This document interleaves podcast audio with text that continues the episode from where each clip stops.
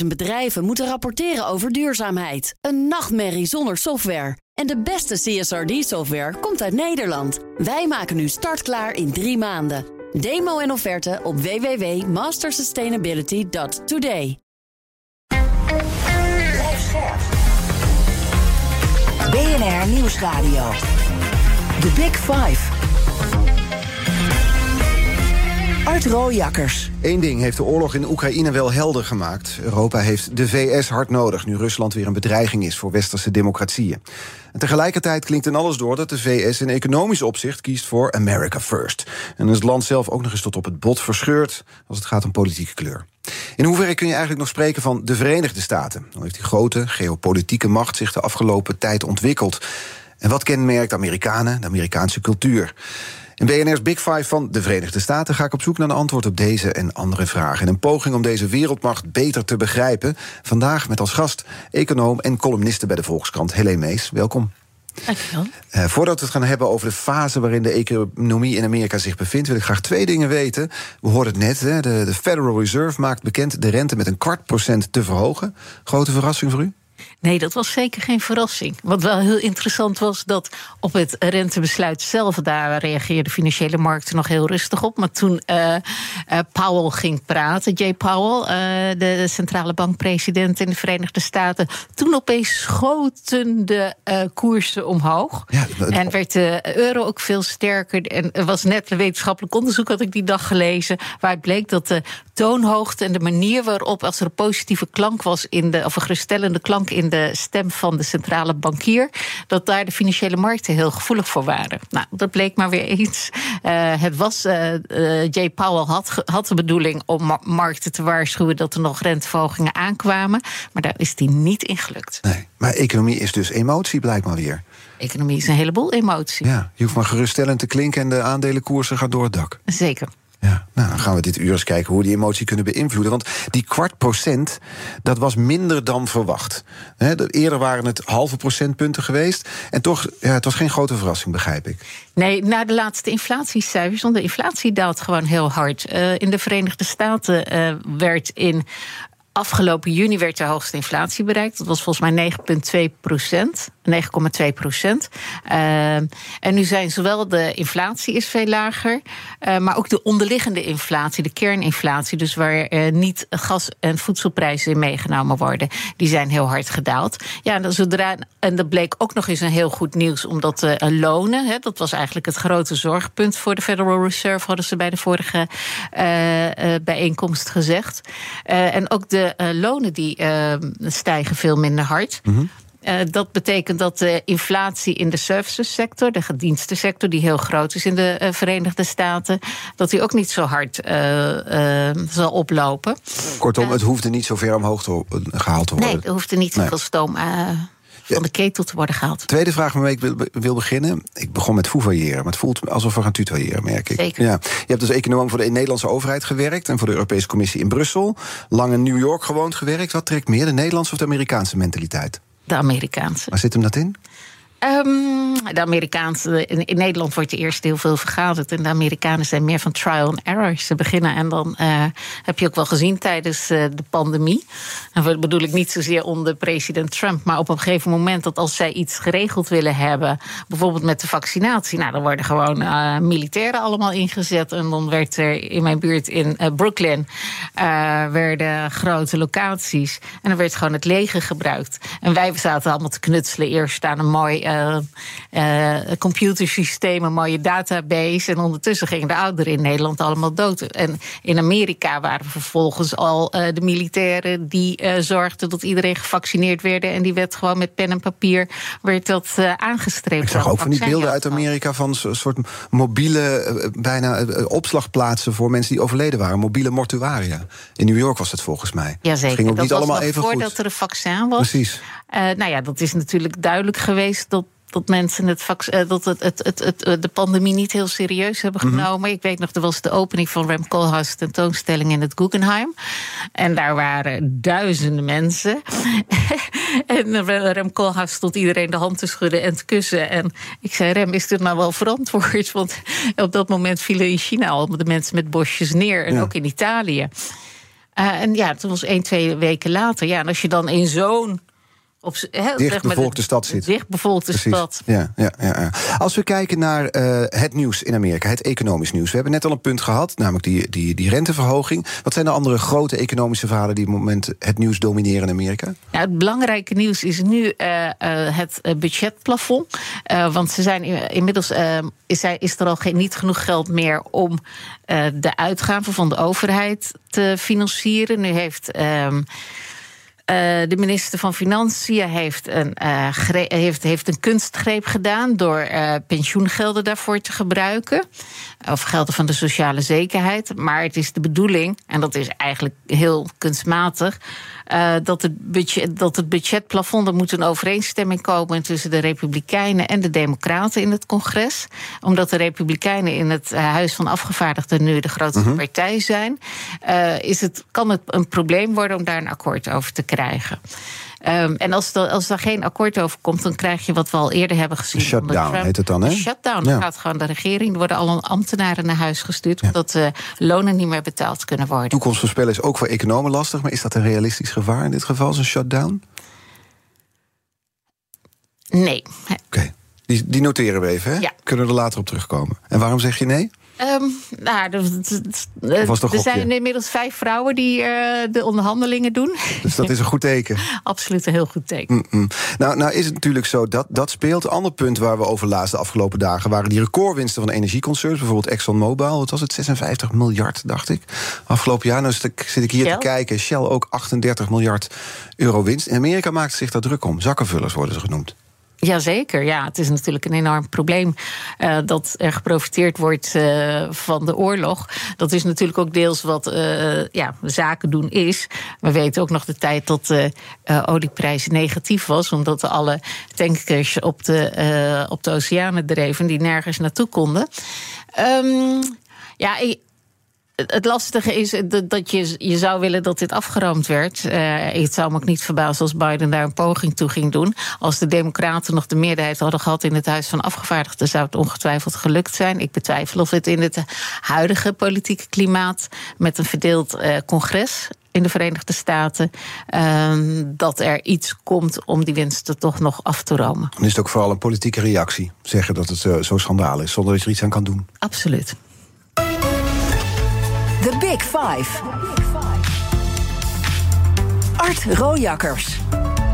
Met vandaag de gast Helene Mees, econoom en columniste. En ze zei net al iets, nou, meerdere dingen die interessant waren... maar één ding wat me uh, brengt bij de kettingvraag. Je, je, had het over vijf vrouwen die nu de onderhandelingen doen... over het schuldenplafond en dat dat hoopgevend is. Dat sluit mooi aan bij de vraag van Jaap Kooijman... die gisteren hier te gast was. Hij is hoofddocent Mediastudies en Amerika-studies aan de UvA. En hij had deze kettingvraag voor je. Ik heb laatst een ontzettend uh, provocerende column van haar gelezen in de Volkskrant... met de titel Schaf de vrouw af.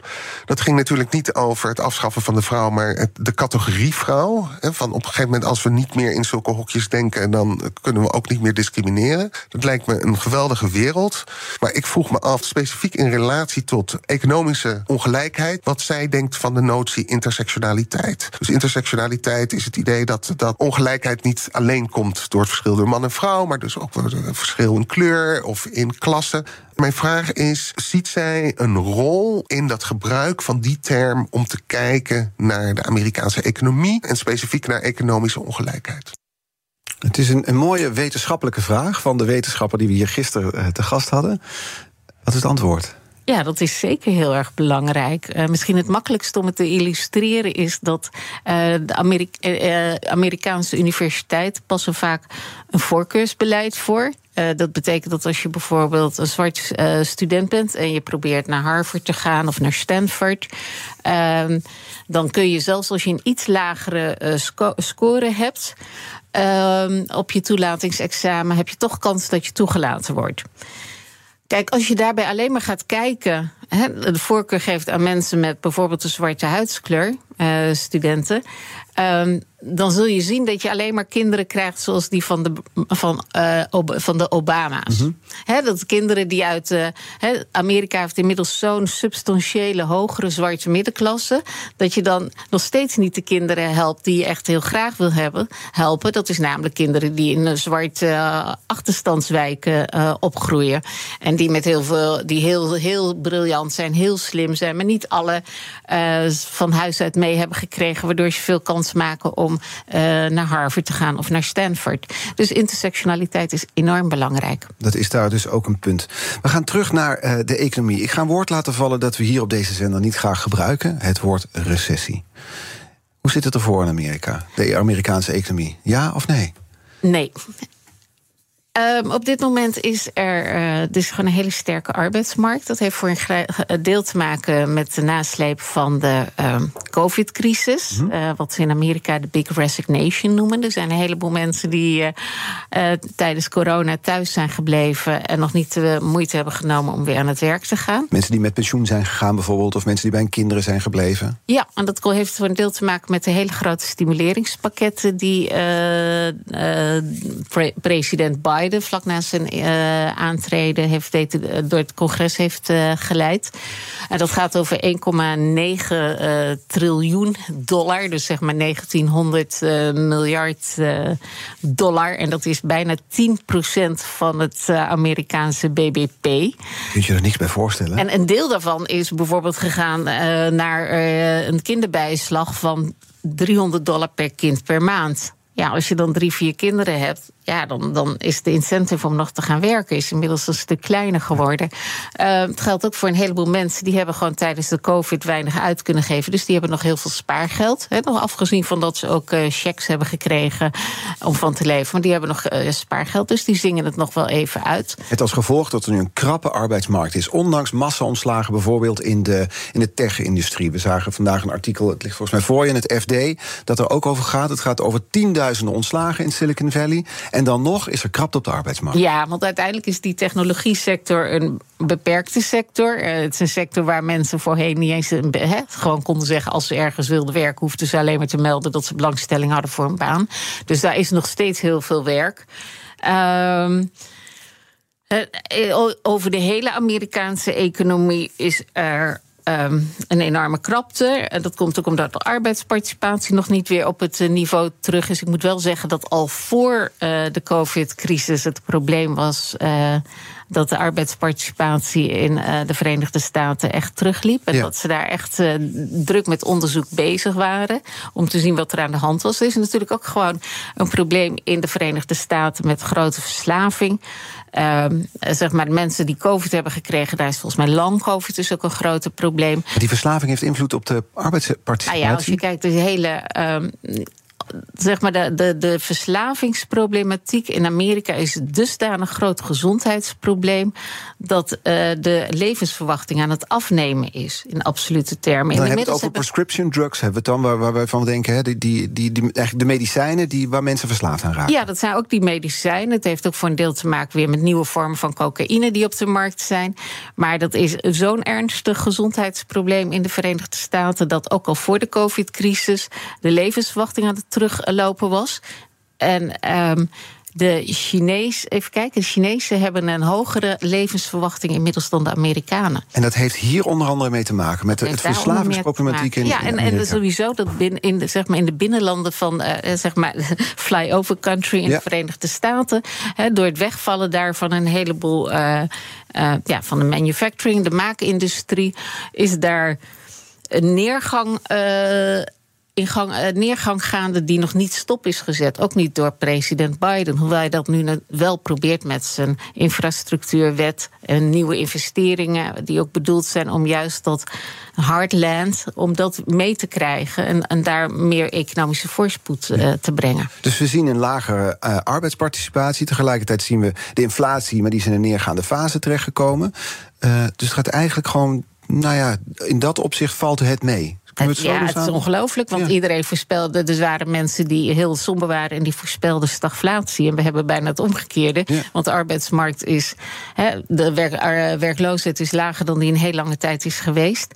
En Ehm, de, rente, of, eh, de inflatie loopt niet te min uh, terug. Nee. Dus het is eigenlijk. ehm Goed voor nieuws. alles uh, wat er gaande is. En, de, en de, ook uh, heel belangrijk, de uh, cons consumptieve bestedingen blijven heel hoog. Komt natuurlijk ook dat de Amerikaanse consumenten hebben nog, huishoudens hebben nog iets van 1,5 triljoen, dus 1500 miljard dollar aan spaargeld. Wat een bedrag ook dat weer. En dan hebben ze zoiets wat, wat revenge spending wordt genoemd, kwam ik tegen. Ja, dat, dat, dat revenge spending, dat begint nu wel een beetje. Dat heeft echt de afgelopen maanden. Je zag bijvoorbeeld in. Want dat was na, na COVID dat mensen dachten: nu is mijn moment. Ja, nu ga ik mei, juni.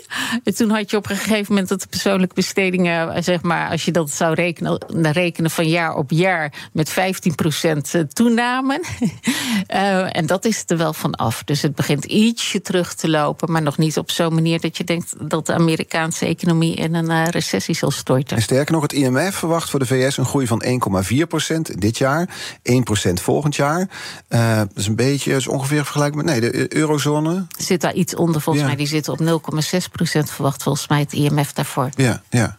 Dus dat, nou, nou komt het eigenlijk nooit uit, toch? Die economische prognose van het IMF, of wel? Nou, ik, ik heb het gevoel dat onder de huidige chief economist, uh, hoe, stimulerend, uh, hoe stimulerend ik het ook vind dat dat een vrouw is, Mhm. dat zij wel heel somber is. Dat ze altijd aan de iets sombere kant zit. Hm. Dan is het misschien ook, bijvoorbeeld toen de eh, COVID-crisis uitbrak, toen kwam ze met heel sombere voorspellingen. Op dat moment moet ik ook zeggen, heeft ze natuurlijk niet kunnen weten dat eh, overheden op zo'n grote schaal de economie zouden ondersteunen. Eigenlijk met te veel geld, zeker in de Verenigde Staten. Eh, maar ze is elke keer aan de sombere kant en die cijfers vallen elke keer mee. Ja, je bent optimistischer.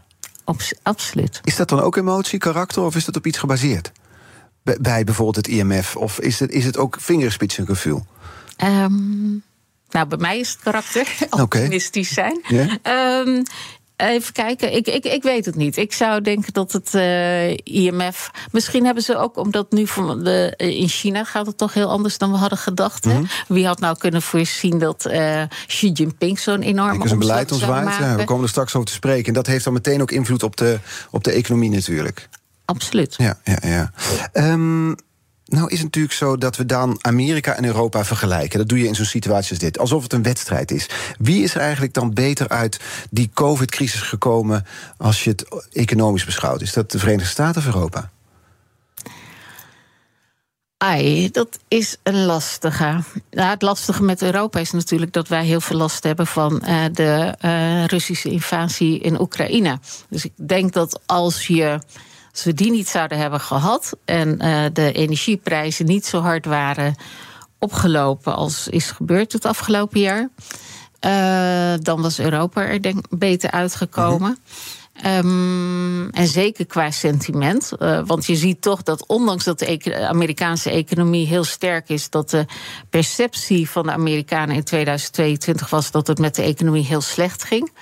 Uh, dus in die zin denk ik dat uh, Europa er beter uit zou zijn gekomen. Maar uh, echt de brute invasie uh, van uh, Rusland in Oekraïne heeft daar ja, heeft natuurlijk roet in het eten ja. gegooid. Maar het heeft misschien ook iets met het herstelvermogen van de continent of van de VS te maken. Als je kijkt naar die financiële wereldwijde crisis 2007, 2008, dan kwam volgens mij de VS ook veel beter uit de voorschijn dan de EU.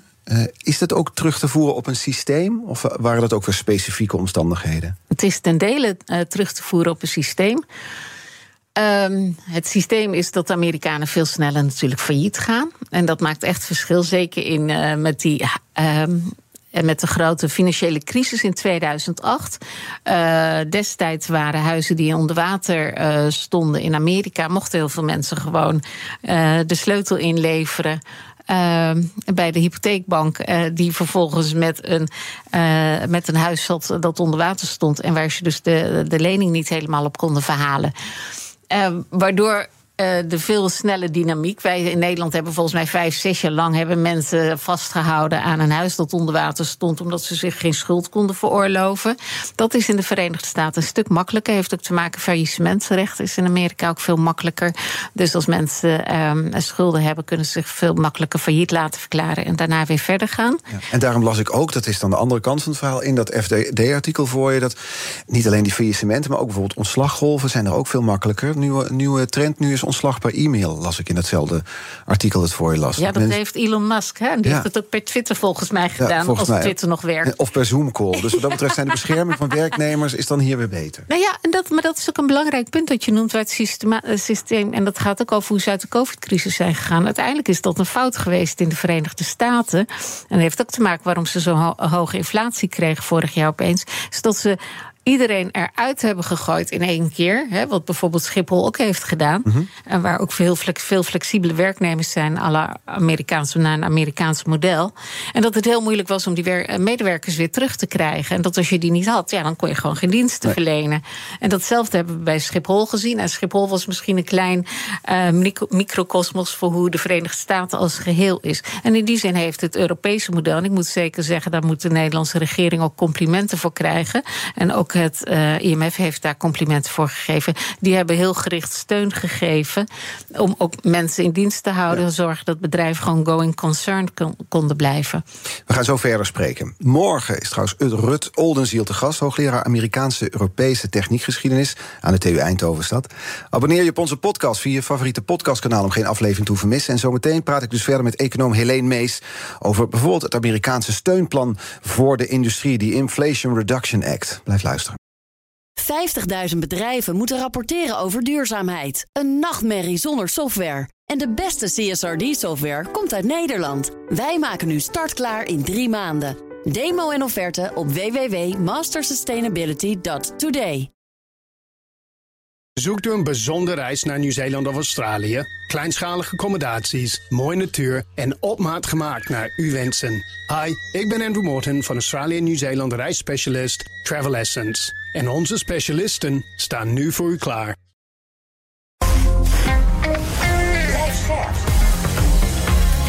BNR Nieuwsradio. The Big Five. Art Rooijakkers. Welkom bij het tweede half uur. Deze week vijf kopstukken over de Verenigde Staten. Later deze week praat ik nog met Rut Oldenziel, dus morgen. Hoogleraar Amerikaans-Europese techniekgeschiedenis aan de TU Eindhoven. En vandaag de gast Helene Mees, econoom, columniste. En komend half uur wil ik graag nog twee onderwerpen met je bespreken, sowieso. Namelijk, wat worden de belangrijkste economische momenten dit jaar in de VS? En hoe hebben die mogelijk invloed op ons leven? En wat zijn de gevolgen van een steunprogramma voor de Amerikaanse industrie, de zogenaamde Inflation Reduction Act? Om met dat laatste te beginnen. Die naam, daar klopt helemaal niks van, toch? Inflation Reduction Act. Nou, de wet jaagt de inflatie niet op. Want hij gaat wat doen aan de productiecapaciteit van de eh, Verenigde Staten. Door betere infrastructuur. Eh, hij verzorgt ook nog in dat pakket zit ook nog maatregelen om de eh, prijs van geneesmiddelen iets omlaag te brengen. Dus in die zin doet het een klein beetje aan de inflation, aan de inflation reduction. Maar eh, die naam is vooral bedacht omdat de laatste senator, die tot dan toe niet mee wilde stemmen en die nodig was voor een meerderheid in de Senaat, Joe Manchin van West Virginia, om die mee te krijgen. En eh, zeg maar op het moment dat daarover besloten werd, het was in het eh, voorjaar, toen was de, rente, eh, was de inflatie bijna 10 procent. 10% op jaarbasis in de Verenigde Staten.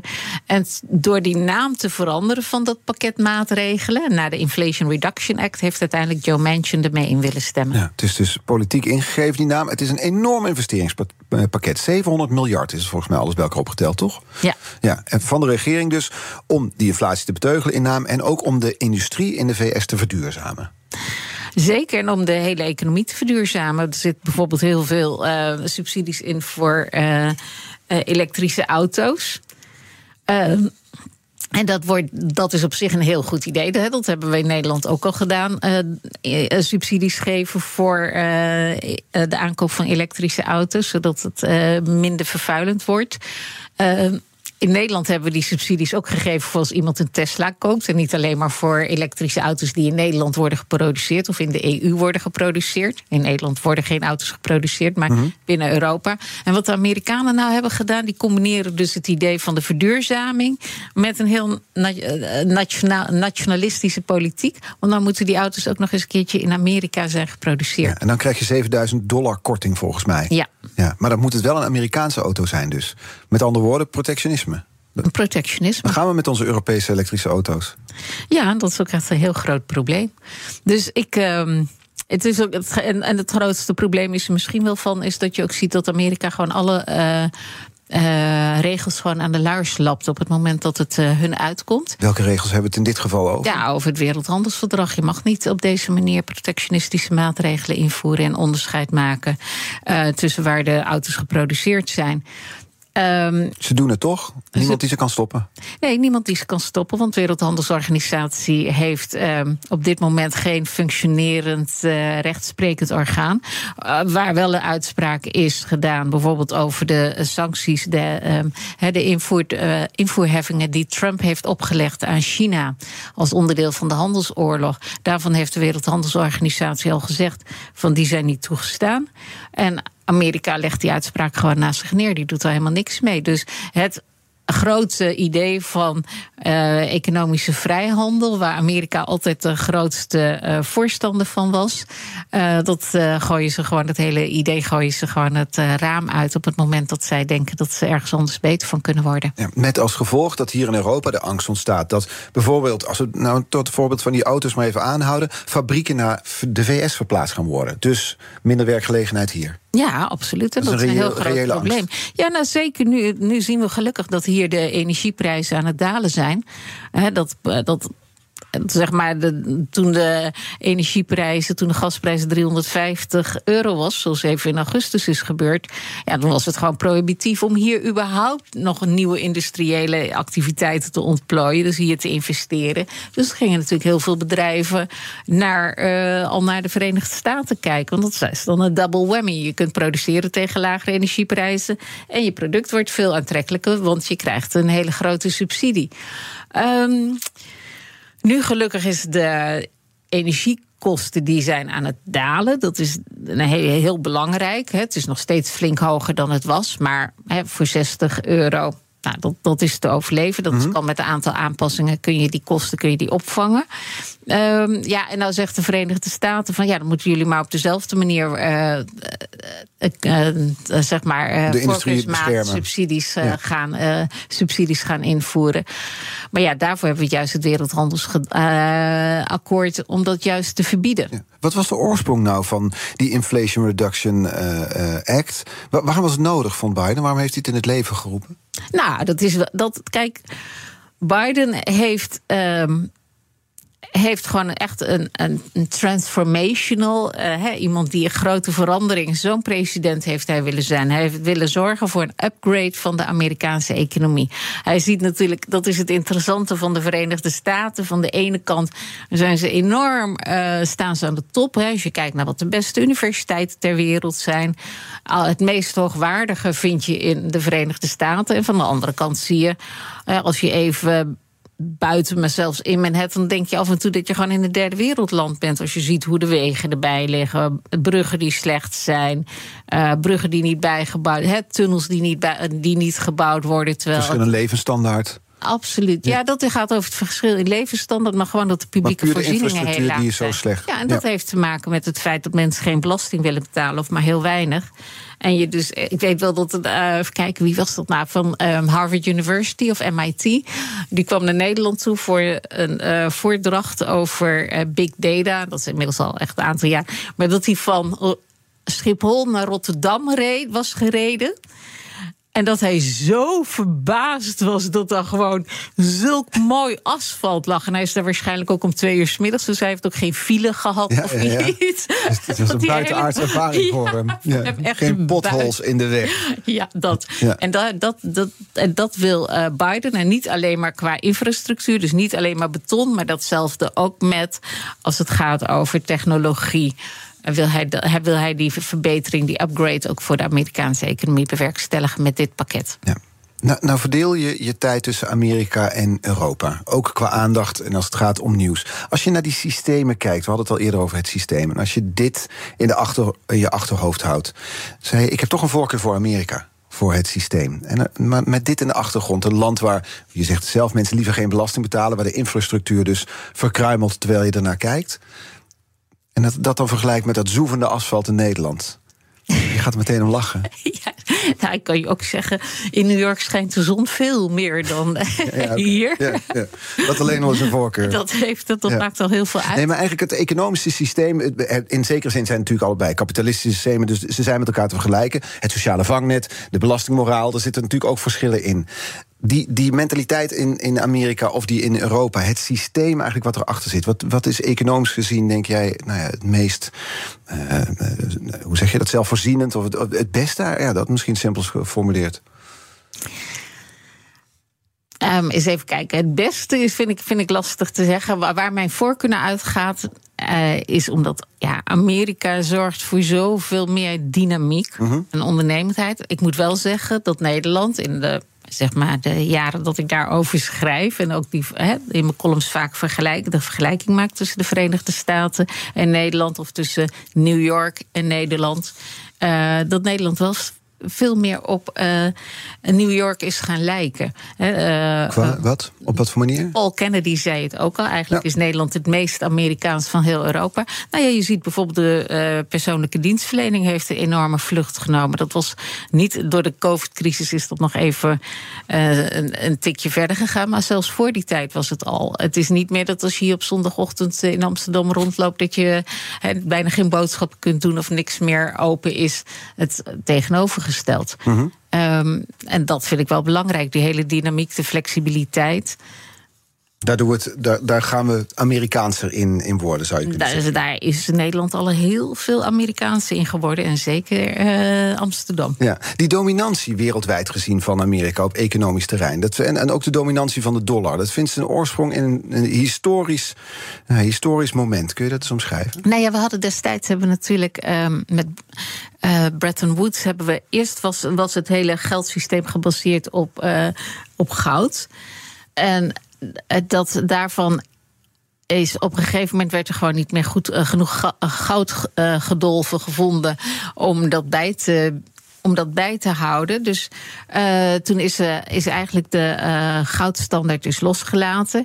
En vervolgens werd vanaf dat moment werd de Verenigde Staten, wat op ja, de grootste economie was, is het nog steeds. En dus de grootste munt ook. En daarmee werd, werd eigenlijk de dollar degene, de munteenheid waar vrijwel alle handelstransacties in de wereld uh, mee afgerekend worden. En dat betekent dat als bijvoorbeeld de Amerikanen um, contracten sluiten voor de invoer, dat die altijd in dollars worden. Uh, altijd worden afgesloten. En dat ze eigenlijk nooit moeite hebben om iets te betalen, om hun, aan hun verplichtingen te voldoen. Want ze kunnen altijd de geldpers aanzetten en meer dollars drukken. Ja, dus Amerika kan zich ook schulden veroorloven zonder dat financiële markten daar meteen van, nou ja, in, uh, in Voor afgestraft worden, zoals bijvoorbeeld in, met het Verenigd Koninkrijk is gebeurd. Ik geloof dat dat in oktober was. Mm -hmm. uh, toen Liz Truss, de nieuwe uh, premier, ja. een hele kortstondige premier, ja. met een kleine, met een mini-budget kwam. Um, in ieder geval met een heleboel plannen om de belastingen te verlagen. En daarover geen enkele dekking tegenover stelde. En toen schoten de financiële markten in de stress. Hè, zeg maar meer op een, daar reageerden de uh, financiële meer, markten meer zoals op Italië bijvoorbeeld reageren. Um, en dat zorgde voor enorme problemen. Liz Truss heeft ook niet kunnen blijven, nee. aan kunnen blijven als uh, premier. En dat had in Amerika wellicht wel gekund. Daar was de markt... Absoluut, moet je eens kijken wat de Amerikanen hebben gedaan. Joe Biden heeft bij zijn aantreden dat uh, de American Rescue uh, Act uh, voorgesteld. Dat ging over 1,9 triljoen dollar aan steunmaatregelen, waarvan je weet. He, dat is dus 1900 miljard dollar. Um, dat dat een belangrijke bijdrage heeft geleverd aan de inflatie, wat eigenlijk dus in rook is opgegaan. Dat had geen enkel ander land zich kunnen veroorloven. 50.000 bedrijven moeten rapporteren over duurzaamheid. Een nachtmerrie zonder software. En de beste CSRD-software komt uit Nederland. Wij maken nu startklaar in drie maanden. Demo en offerte op www.mastersustainability.today. Zoekt u een bijzondere reis naar Amerika of Canada? Unieke accommodaties, ongerepte natuur en een uitgekiende reisroute. En natuurlijk op maat gemaakt naar uw wensen. Klinkt bekend? Little America is de zus van Travel Essence. Met eigen team van reisspecialisten, maar dezelfde focus op kleinschalige reizen met hoogwaardige kwaliteit. Kijk op littleamerica.nl. BNR Nieuwsradio. The Big Five. Art Rojakkers. Je luistert naar BNR's Big Five van de Verenigde Staten. Gisteren sprak ik met Jaap Kooijman. Hij is hoofddocent mediastudies en Amerika-studies... over hoe de Amerikaanse popcultuur zich verspreidde over de rest van de wereld. Terug te luisteren via BNR NL of allerlei podcast-apps natuurlijk. Vandaag de gast Helene Mees, econoom en columniste. Ehm, we gaan toch weer even in de toekomst proberen te kijken samen. Nou, nabije toekomst, dit jaar. Belangrijke economische, politieke momenten dit jaar in de VS. We hadden het al over het schuldenplafond, hè? Ja, ik denk dat dat het belangrijkste is. Kijk, uh, Joe Biden is gewoon in zijn eerste twee jaar, hoeveel kritiek we er aanvankelijk ook op hadden, heel succesvol geweest. Hij heeft het infrastructuurpakket uh, doorgevoerd. Dat was al een wetsvoorstel nog voor de Inflation Reduction Act. Ja, het gaat nu vooral over implementatie. Je kunt ook te veel beleid willen maken. Wat je nog zou kunnen voorstellen is dat hij. Uh, Biden wil ook op het gebied van kartelvorming wil hij uh, een verandering doorvoeren. Daarvoor heeft hij heel progressieve mensen aangesteld. Um, dus de vraag is of dat, maar dat gaat via juridische procedures. Dus dat is niet iets waar we dit jaar uh, echt de grote doorbraken zullen zien. Bij zo'n schuldenplafond zit ook de dramatiek van een Hollywoodfilm in. De dreigende apocalypse bijna. Hè? De shutdown van de overheid en alles ligt dan stil. En tegelijkertijd denken wij vanuit Nederland, hè, er wordt dan in de achterkamertjes wordt al lang een deal gesloten. Er wordt consensus bereikt. Dat zijn wij gewend in onze politiek. Ik las ergens dat Biden waarschijnlijk ook al lang een deal heeft met de Republikeinen om dat plafond te verhogen. Ja, het, want het idee is, uh, kijk, de Democraten zeggen eigenlijk, die willen dat die hele poppenkast over dat schuldenplafond, die geen feitelijke betekenis heeft. Wij hebben bijvoorbeeld geen schuldenplafond, want uh, Amerika kan heeft geen toestemming. Nou, eigenlijk, he, zeg maar, ze kunnen gewoon naar de financiële markten gaan. Als zij staatsobligaties uit willen geven om, om, om he, extra schulden te maken, is dat geen enkel probleem. Dan kunnen ze dat uh, probleemloos uit de markt halen. Dus waarom zou je daar aparte toestemming voor nodig hebben van het congres? Wat is het dus antwoord daarop? Biden heeft, uh, ja, omdat het een, een, anomalie is in de wet. Hm. Dus, uh, en, maar je hebt weer een meerderheid nodig om het eruit te halen. En dat lukt niet. Niet lukken, nee. Um, en uh, de, de uh, Republikeinen uh, in het Huis van Afgevaardigden willen niet meewerken. Uh, maar Biden heeft gezegd: we gaan laten ons niet chanteren. We gaan er niet over onderhandelen. En waar het op lijkt, is dat Biden met Mitch McConnell, de leider van de Republikeinen in de Senaat, al een akkoord heeft. Dat de Senaat dat er wel dat ze het zonder het Huis van Afgevaardigden maatregelen kunnen passeren. Het, de, de, de, het schuldenplafond kunnen uh, verhogen. En dat je daarvoor niet het Huis van Afgevaardigden voor nodig hebt. Ja, dus op die manier zou er dan eigenlijk al een, een, een deal zijn, min of meer. Dat zou zijn, maar op dit moment gaat het nog, uh, wordt er nog gekeken of er een toch van zowel het Huis van Afgevaardigden als de Senaat. Uh, of die gewoon zeg maar op formele wijze tot overeenstemming kunnen komen. Ja. En dat zijn vijf vrouwen die daarover onderhandelen. Dus ja, dat het komt zou goed, goed moeten komen. Ja. Uh, wat de Federal Reserve doet, dat is natuurlijk geen beleid van, uh, van Biden. Maar we, nou, vanochtend hadden we dus dat nieuws van het kwart procentpunt renteverhoging. Wat, wat, komen daar nog voor beslissingen aan dit jaar? Ja, even kijken. De markten hebben, uh, zijn er vanuit gegaan, gaan er een beetje vanuit dat het nu voorlopig even stil wordt gezet. Hè, dat het hierbij even blijft. Ik denk dat na de uh, reactie van de financiële markten gisteren uh, Jay Powell, eigenlijk de Amerikaanse centrale bank, niet anders kan dan nog een keertje uh, met een kwart procentpunt de rente verhogen en dan mm -hmm. pas stil te houden. het zal ook gewoon eraan liggen hoe het verder met de inflatie gaat. Um, ja, op dit moment is die inflatie heel hard aan het dalen. Als dat blijft doorgaan, ja, dan lijkt het mij heel moeilijk voor hem om te kunnen verantwoorden dat de inflatie nog verder omhoog moet. Zeker als de rente, de arbeids, of de rente nog verder omhoog moet. Zeker als de arbeidsmarkt uh, wat losser wordt. Want je krijgt nu al die, die, die ontslagen die er zijn. Dus dat zou ik zeggen dat de krapte op de arbeidsmarkt wat minder zou moeten worden. Ja. En, en het feit dat als daar, volgens mij is het zo simpel toch, als daar het omhoog gaat, dan zullen wij hier ook nog rentestijgingen zien het komende jaar. Nee, dat zijn geen twee locksteps. Ik nee? zou zeggen, uh, zelfs als de uh, uh, Amerikaanse centrale bank een stap op de plaats maakt bij de volgende ontmoeting. Gaan wij verder. Ja, dan moet de ECB nog wel even doorgaan. Want de inflatie in Nederland is gedaald, ook in de eurozone is gedaald. En dat is heel goed nieuws. Maar dan kijk je naar overall inflation. Dus dat is inflatie inclusief de prijs van um, uh, voedsel- en uh, energieprijzen.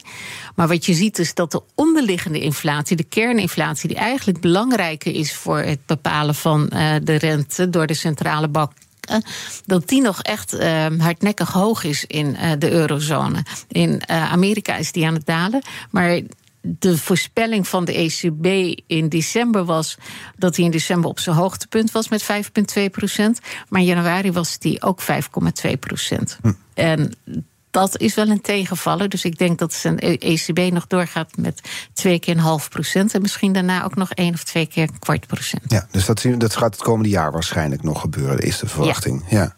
Nou hadden we het over he, Europa, Amerika, hoe ze uit de COVID-crisis zijn gekomen. Uh, en dat wat bij ons een grote invloed heeft, is die brute oorlog in Oekraïne. Tegelijkertijd steunt Amerika Oekraïne met miljarden als het gaat om, om wapens of om uh, militaire steun. Heeft dat invloed op de economie in Amerika? Nou, het zal in ieder geval goed zijn voor de defensieindustrie. Dus uh, dat zorgt ook weer voor extra banen. Uh, nou ja, die uitgaven voor uh, defensie zijn eenmalige uitgaven. Dus dat is in die zin niet dat dat een heel deel van de economie opslokt. van de economie opslokt. Zeg maar Nederland geeft verhoudingsgewijs evenveel uit aan, aan de oorlog in Oekraïne. Ja. Heel terecht. Maar daarvan merken we ook niet meteen hier de gevolgen. We hebben één uh, land, de grote uitdaging van Amerika, nog helemaal eigenlijk niet behandeld uh, dit uur. Laten we dat eens gaan doen. China. Want nou ja, zij komen eraan, wordt dan gezegd. Hè? En er is een, een handelsoorlog die Trump is begonnen met, met China. Die is eigenlijk voortgezet onder Biden. We zijn lekker aan het voorspellen over het komende jaar. We hebben het al over het vet gehad en over het schuldenplafond. Hoe gaat het er daarvoor staan, die handelsoorlog met China dit jaar? Nou, dat heeft, uh, wel heeft, heeft Biden heel hard ingezet. Uh, de uh, Chinezen hadden even gedacht dat eh, na, Biden, na Donald Trump het met president Biden makkelijker zouden kunnen krijgen. En het tegenovergestelde is gebleken. de chipoorlog die ze zijn gestart. En dat echt op een vrijdagmiddag laat hebben ze een maatregel uitgevaardigd. waaruit waarin opeens geen chips meer naar China mochten worden geëxporteerd. En ook geen chips machines uh, en andere uh, zaken die daarmee. En dat niet alleen dat Amerikaanse bedrijven dat niet mogen, maar ook Amerikaanse mensen niet. Dus mensen die in Nederland bij ASML werkten, die mocht, moesten opeens stoppen met werken uh, waar ze mee bezig waren. Ehm, dat is een hele heftige maatregel. Eh, eh, president Biden zegt dat ze dat doen. Uh, omdat ze bang zijn dat China die chips gebruikt voor militaire doeleinden. Ja, ik ben ook bang dat het erover gaat. En het lijkt me heel onterecht. Uh, om gewoon uh, China de pas af te snijden. Dat ze doorhebben dat China's uh, technologische ontwikkeling heel snel gaat. Mm -hmm. Mocht China Amerika inhalen qua de, de, hele innovatiekloof dichten. Ja, dan gaat uh, de opkomst van China. Nu was het nog steeds een win-win situatie. China die profiteerde heel veel van uh, de handel met Amerika. En Amerika profiteerde daarvan. Hoewel in Amerika alleen maar de hoge inkomens van profiteerden. En de lage groepen juist heel veel pijn leden. Mm -hmm. Maar op het moment dat uh, China de innovatiekloof met de Verenigde Staten weet te dichten. Kijk, dan gaat China alle hoogwaardige zaken doen. Want want daar hebben ze de kennis voor. Hun loonkosten zijn lager. Bovendien, ze hebben doen ook alle laagwaardige uh, productie doen ze ook nog. En dan is er voor Amerika per saldo echt een, een, een, een, een, los. Ja, dus vandaar de, de, de, de, de, nou, de felheid ja, van Biden op dit punt. Ja, ik, ik ben er niet helemaal van overtuigd dat het alleen maar over de militaire doeleinden nee. gaat. Want zoals. Um, uh, de CEO van ASML altijd zegt: nee, dat zijn altijd oudere chips die daarvoor worden gebruikt. Aan de andere kant, hè, uh, China is er in augustus in geslaagd om twee succesvolle la lanceringen te doen met hypersonische raketten, waardoor uh, het hele de intelligence community in Amerika helemaal echt flabbergasted was, helemaal perplex hoe ze dat ook geheim hadden kunnen houden en hoe dat aan hun ja, hoe zij dat aan hun waarneming had kunnen uh, ontsnappen. Uh -huh. Dus het zal ook in die zin te maken hebben. Maar ik heb niet precies de intelligence die Biden tot zijn. Uh... Maar dat zit er wel achter.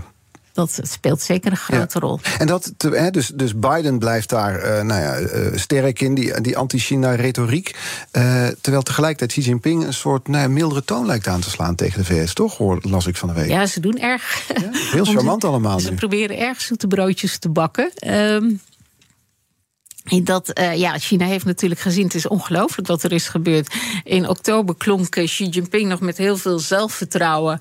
Uh, waarin hij ook aankondigde dat ze de, uh, de, de oorlog tegen het, tegen het coronavirus, de COVID-pandemie, zouden blijven volhouden. En hij niet over aan twijfelde aan de lockdowns. Ja, en, en toen kwam die omslag. Weg was. En toen kwam opeens begin december die omslag. Ja.